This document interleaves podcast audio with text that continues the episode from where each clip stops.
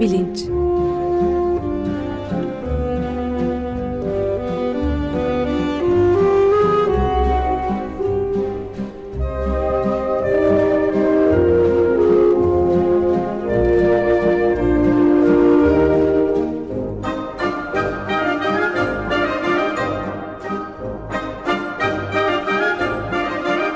Güven Güzeldere ile bilim ve felsefe sohbetleri.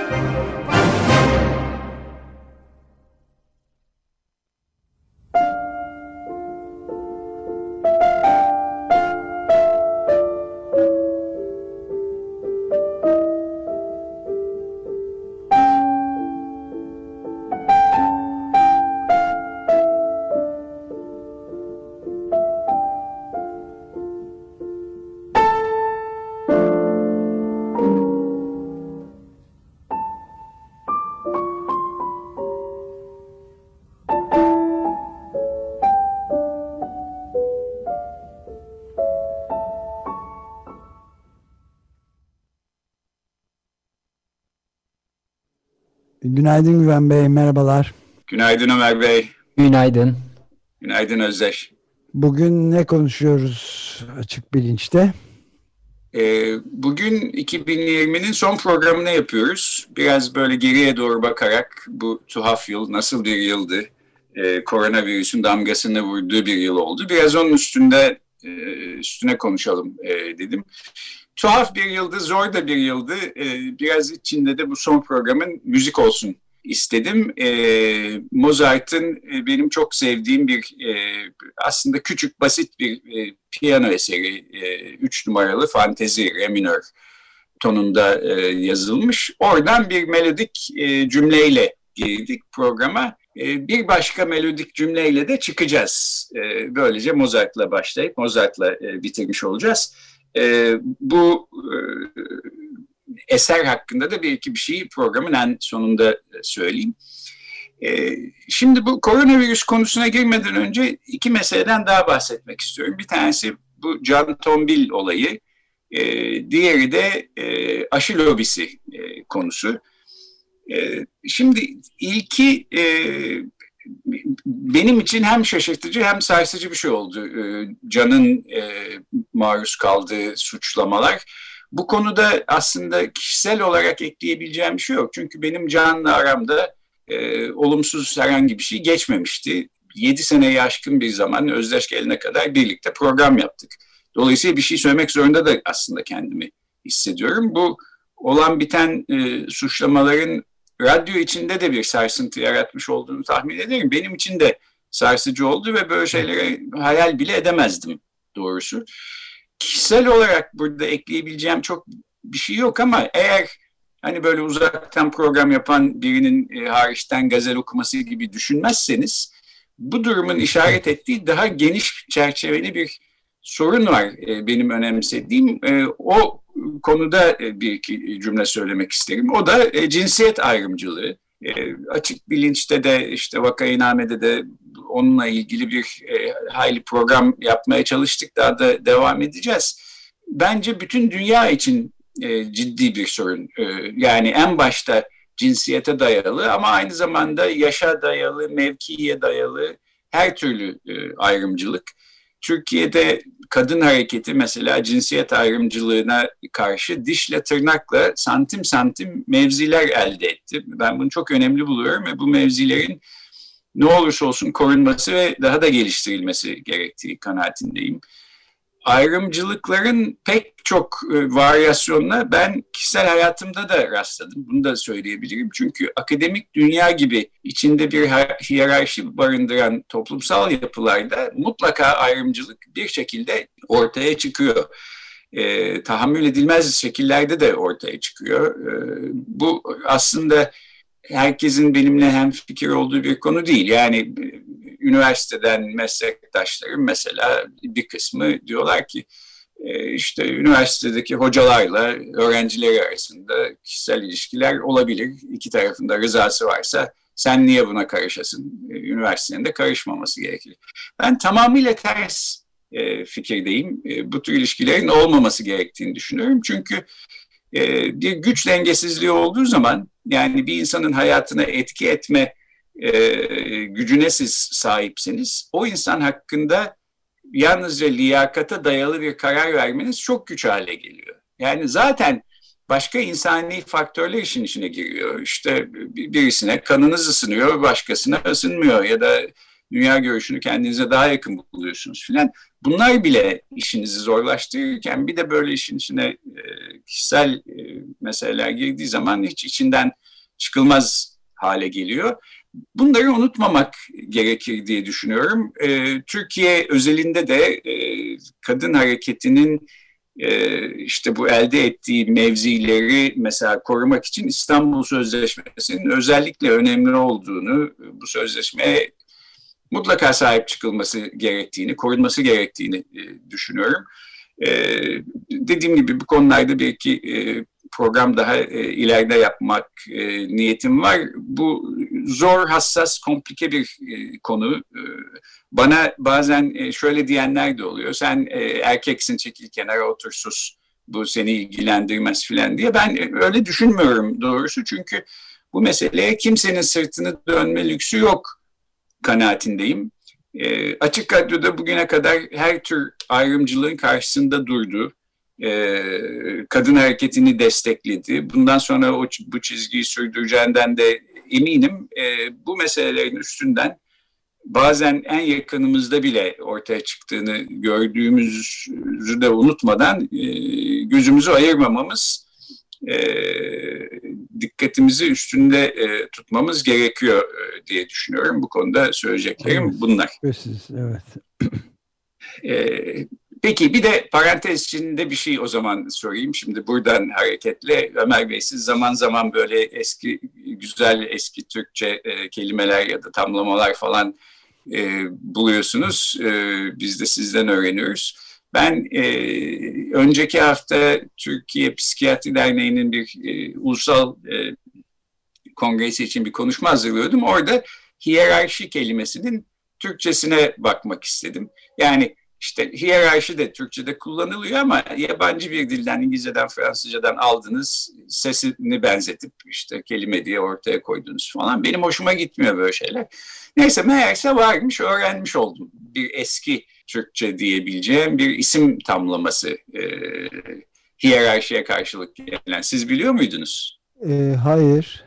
Ben de ilk kez duymuş oldum. Silsileyi meratip. Ha, silsile-i meratip evet. Şimdi çok hoşuma gitti. Yani tınısı itibariyle de işte silsile hani dizi, öbek, küme filan demek. Dağ silsilesi filan diye. Öbürü de mertebeden geliyor zaten. Evet o, o da mertebeden ya da rütbelendirilmiş rütbeden demekmiş. Geliyor. Yani içinde bir derecelendirme yapılmış olan bir silsile. E, hiyerarşi de tam o demek yani aslında. Bana bu kelimeyi söyleseniz asla hiyerarşi anlamam. Yani o kadar uzağım bu mesele. Vallahi ben de yani silsile-i hani, meratip meratipin ne olduğunu bilemezdim herhalde ama evet işte mertebe, rütbe filan dendiği zaman oradan e, anladım e, ve hoşuma gitti. Neyse bunu da böylece söylemiş olayım. Şimdi ikinci meseleye geçeyim bu koronavirüse gelmeden. Bir aşı lobisi e, şeyi sürüyor malum. E, bazen sosyal medyada işte bir takım kendini muhalif olarak e, gören e, bir takım gazete yazarları arasında filan. E, yani bunlara genellikle gülüp geçmek gerekiyor e, kanaatindeyim. Fakat bazen bu yazarların ortaya koydukları sorumsuzluk, e, insan sağlığını çünkü halk sağlığını e, ilgilendiren bir mesele var burada. E, çok akla ziyan buluyorum bu sorumsuzluğu. Mesela Soner Yalçın bir yazı yazmış algı diktatörlüğü diye. Orada şöyle bir cümle e, var yazının sonunda. Diyor ki virüs koronavirüsten bahsediyor. Virüs hızla mutasyona uğrarken yani sıradan nezleye hadi bilemediniz gribe dönüşecekken aşının alelacele bulunup piyasaya sunulması arasında nasıl bir ilişki var? Şimdi bu bir komplo e, kurgusu. E, e, tamam işte hani önemsemeyebiliriz, gülüp geçebiliriz filan ama Burada bir de iddia var. E, diyor ki yani virüs hızla mutasyona uğruyor ve çok yakında sıradan bir nezleye hadi olmadı gribe dönüşecek. Şimdi buna dair hiçbir bilimsel veri yok.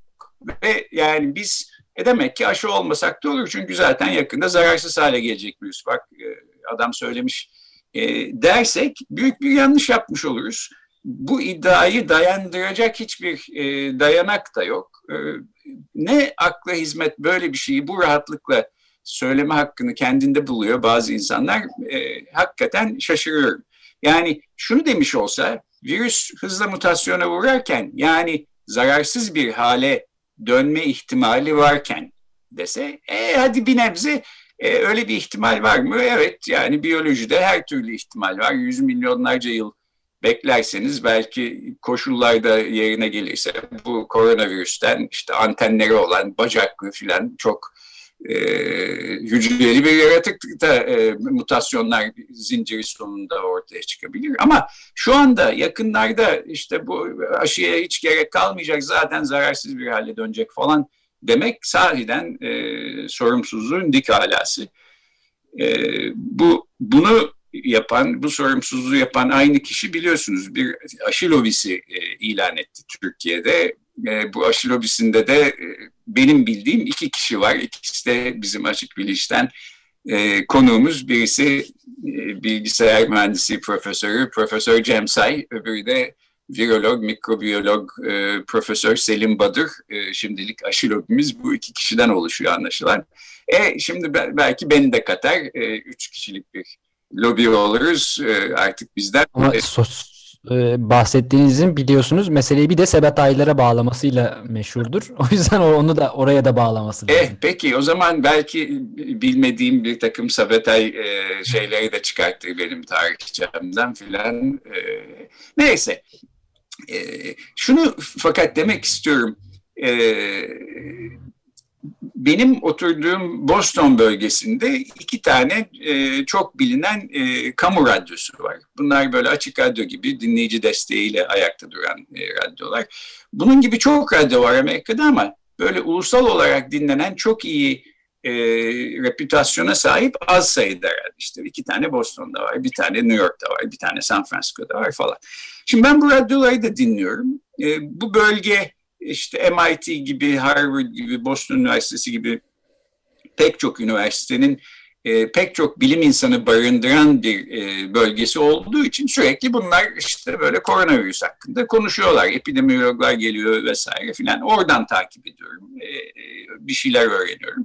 Fakat e, Açık Radyo'dan da e, bir taraftan e, koronavirüs salgını hakkında çok şey öğrendim. Öğrenmeye devam ediyorum ve bu süreçte bence Açık Radyo en kapsamlı ve en güvenilir bilgi kaynağı olarak öne çıktı Mart ayından bu yana. Türkiye'de ben e, Açık Radyo'dan daha ileride bir bilgi kaynağı doğrusu bilmiyorum. E, burada tabii Selim Badur'un her gün e, uzun aylar boyunca her gün yaptığı, şimdi haftada iki gün yapmakta olduğu, işte literatürü tarayıp bize son bilimsel gelişmeleri aktardığı programının da büyük önemi var. Bunu gönüllü olarak yapıyor. Yani kendisine büyük bir teşekkür borçluyuz. İşte böyle aşı lobisiydi bilmem neydi falan gibi saçmalıklarla e, bir de e, rencide etmeyi bu insanları benim hiç e, aklım almıyor. Öyle davrananlara işte hani birisi akıl fikir bahşetsin e, diyerek bu konuyu da böylece kapatayım. Koronavirüsün kendisine e, gelelim. Şimdi bu 2020 senesine damga vuran şey oldu koronavirüs. Burada benim ilgimi çeken mesela bilim tarihi açısından şöyle ilginç bir şey var. Bazı çok büyük şeylerle bazı çok küçük şeyleri çıplak gözle göremiyoruz. Yani algı dünyamızın dışında bunlar. Çok büyükler çok uzakta olduğu için işte bazı gök cisimleri filan. Çok küçüklerde gözümüzün çözünürlüğü onları görmemize yetmediği için. Bu ikisinin de aslında e, ortaya çıkartılması işte bu 17. yüzyılda başlayıp devam eden bilimsel devrim denen dönem sayesinde oluyor ve burada en büyük unsur, en etkili e, unsur aslında bir teknoloji, mercek teknolojisi. Yani camları kesip yontup bir şekilde mercek haline getirmeyi öğrenen e, insanlar bu işin zanaatini giderek giderek iyileştiriyorlar ve bu önce teleskopların yapımıyla ortaya çıkıyor işte başka türlü göremediğimiz gök cisimlerini görür hale geliyoruz. Galile mesela bu e, konuyu çok önemseyen bir bilim insanı ve yaptığı bilimsel buluşların altında bu teknolojiyi iyi kullanabilmesi var. Kendisine kimsede olmayan kalitede e, teleskoplar yaptırıyor. Bunlarla yaptığı gözlemlerle kimse e, işte baş edemiyor, onlara karşı çıkamıyor filan. Şimdi bir de şöyle ilginç bir şey var fakat e, teleskoplar bize bu gök cisimlerinin e, işte nerede ne yaptığını göstermezken biz dünyamızı evrenin e, merkezinde sabit duran işte düz bir yüzey gibi e, düşünürken başka her şey bizim etrafımızda dönüyor falan diye düşünürken bile bir takım gök cisimleriyle dünyanın arasındaki e, ilişkiden doğan e, olayların aslında farkındaydık. Yani mesela Medcezir, sular belli e, döngülerle alçalıp yükseliyor. İşte e, balıkçılar ona göre hareket ediyor. E, kaptanlar bu işi biliyor, hesabını yapıyorlar filan. Yani işin teknolojisini aslında e, genellikle daha önce öğreniyoruz. Ama bunun bilimsel açıklaması işte en azından Isaac Newton'a e, beklemek zorunda kaldı filan. Şimdi benzer bir şeyi çok küçükler dünyasında da e, görüyoruz aslında.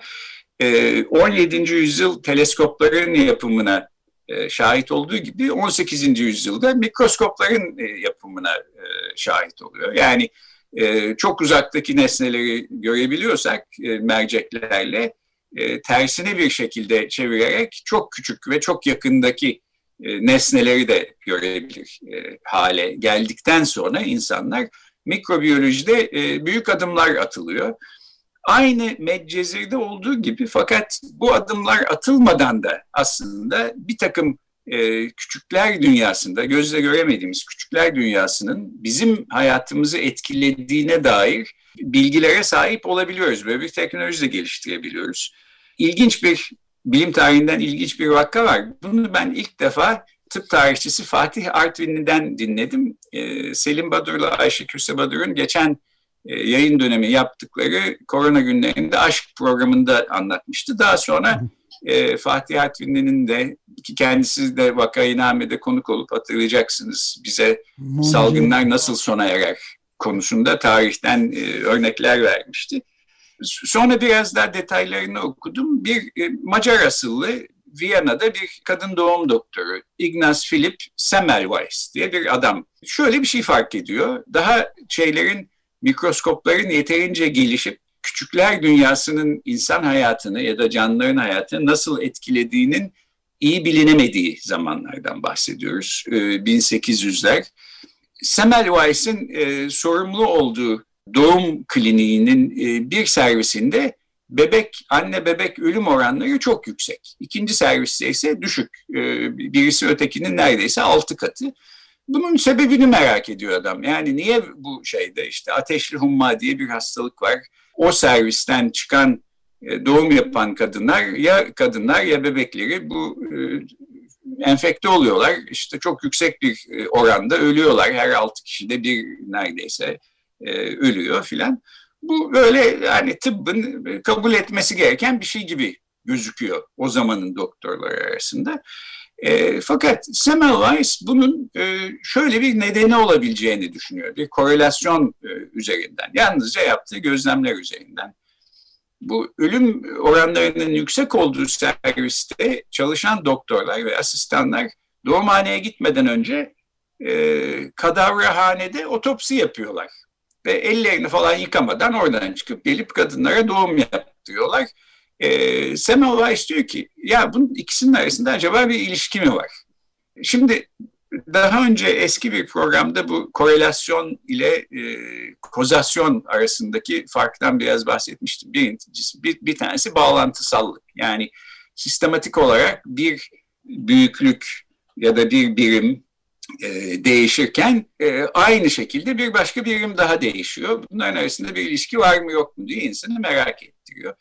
E, ama her zaman ilişki olmak zorunda değil. Yani bir nedensellik ilişkisi olması bir e, noktadan başlayan bir nedensellik zinciri kurabilirsek oluyor. Oradan işte adım adım giderek e, bir sonuca ulaşabiliyoruz.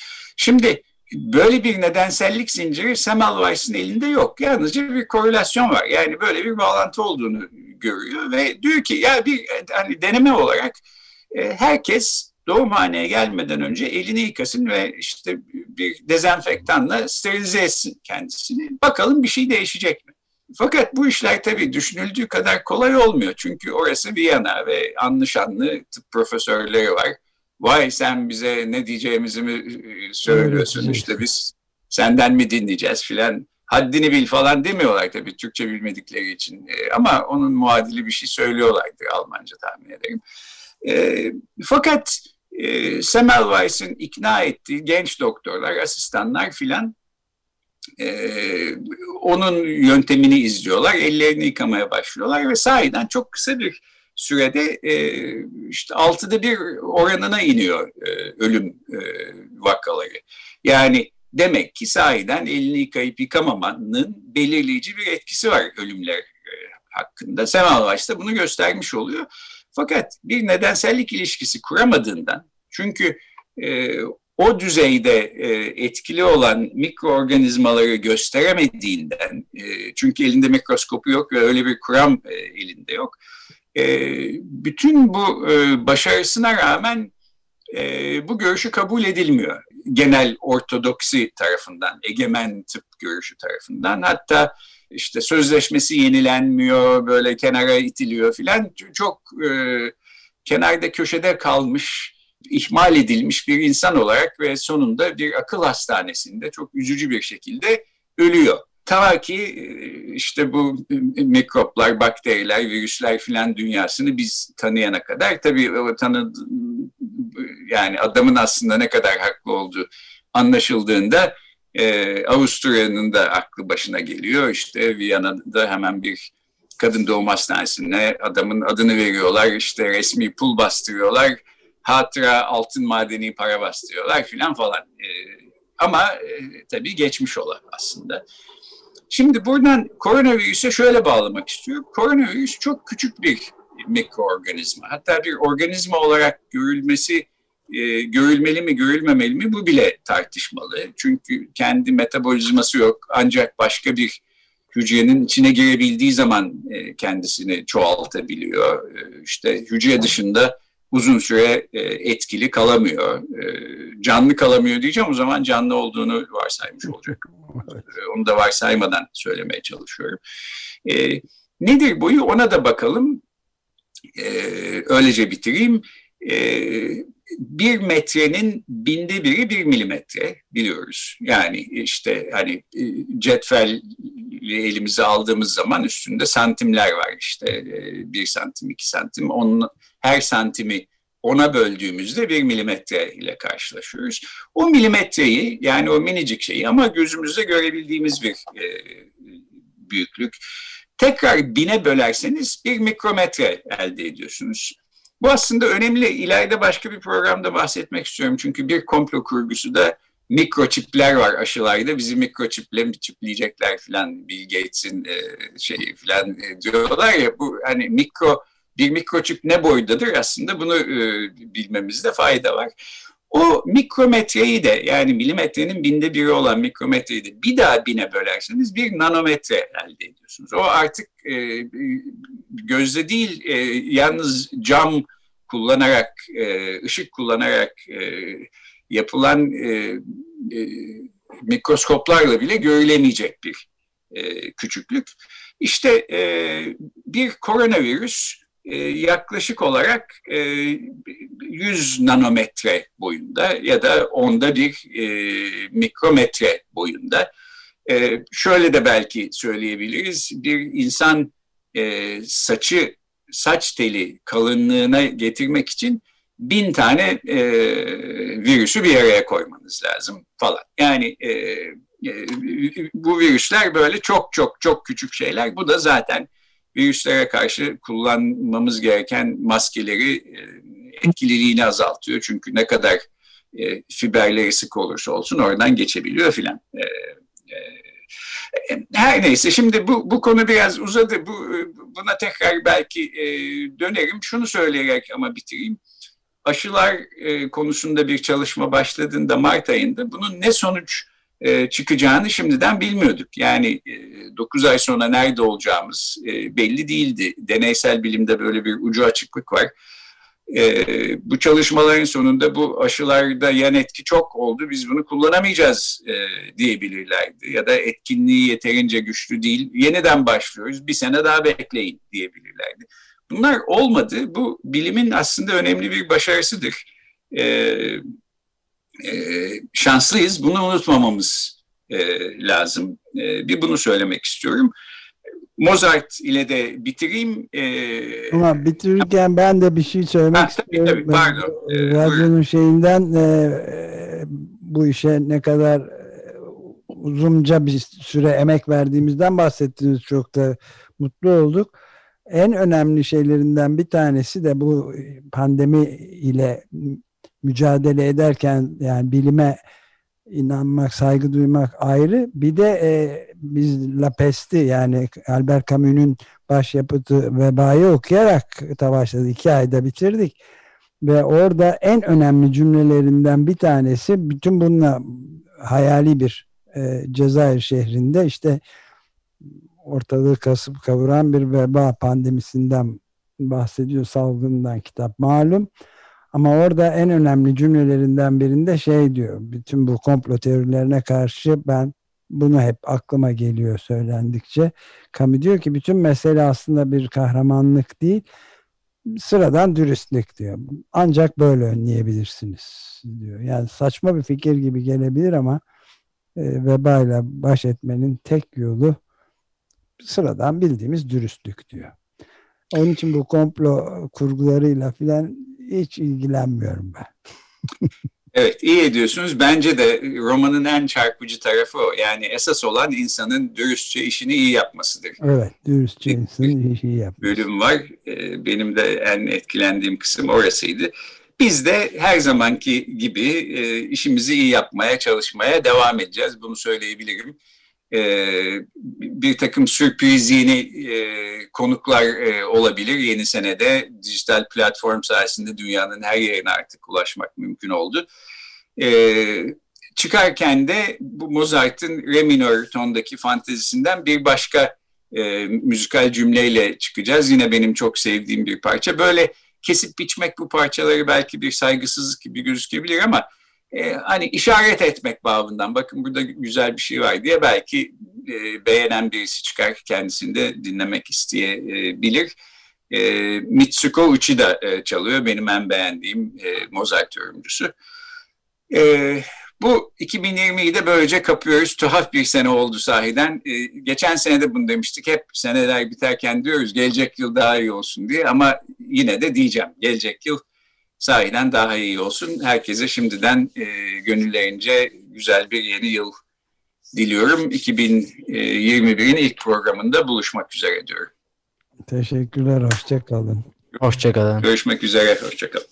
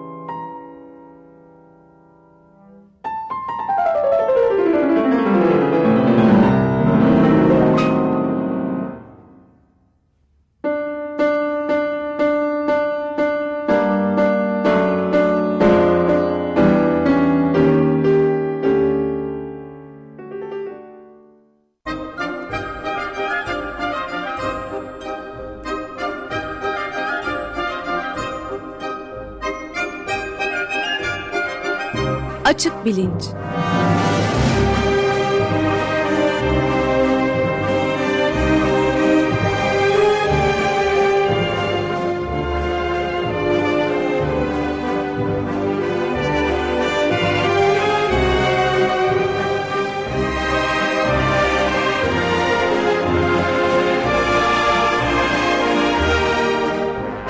Güven Güzeldere ile bilim ve felsefe sohbetleri.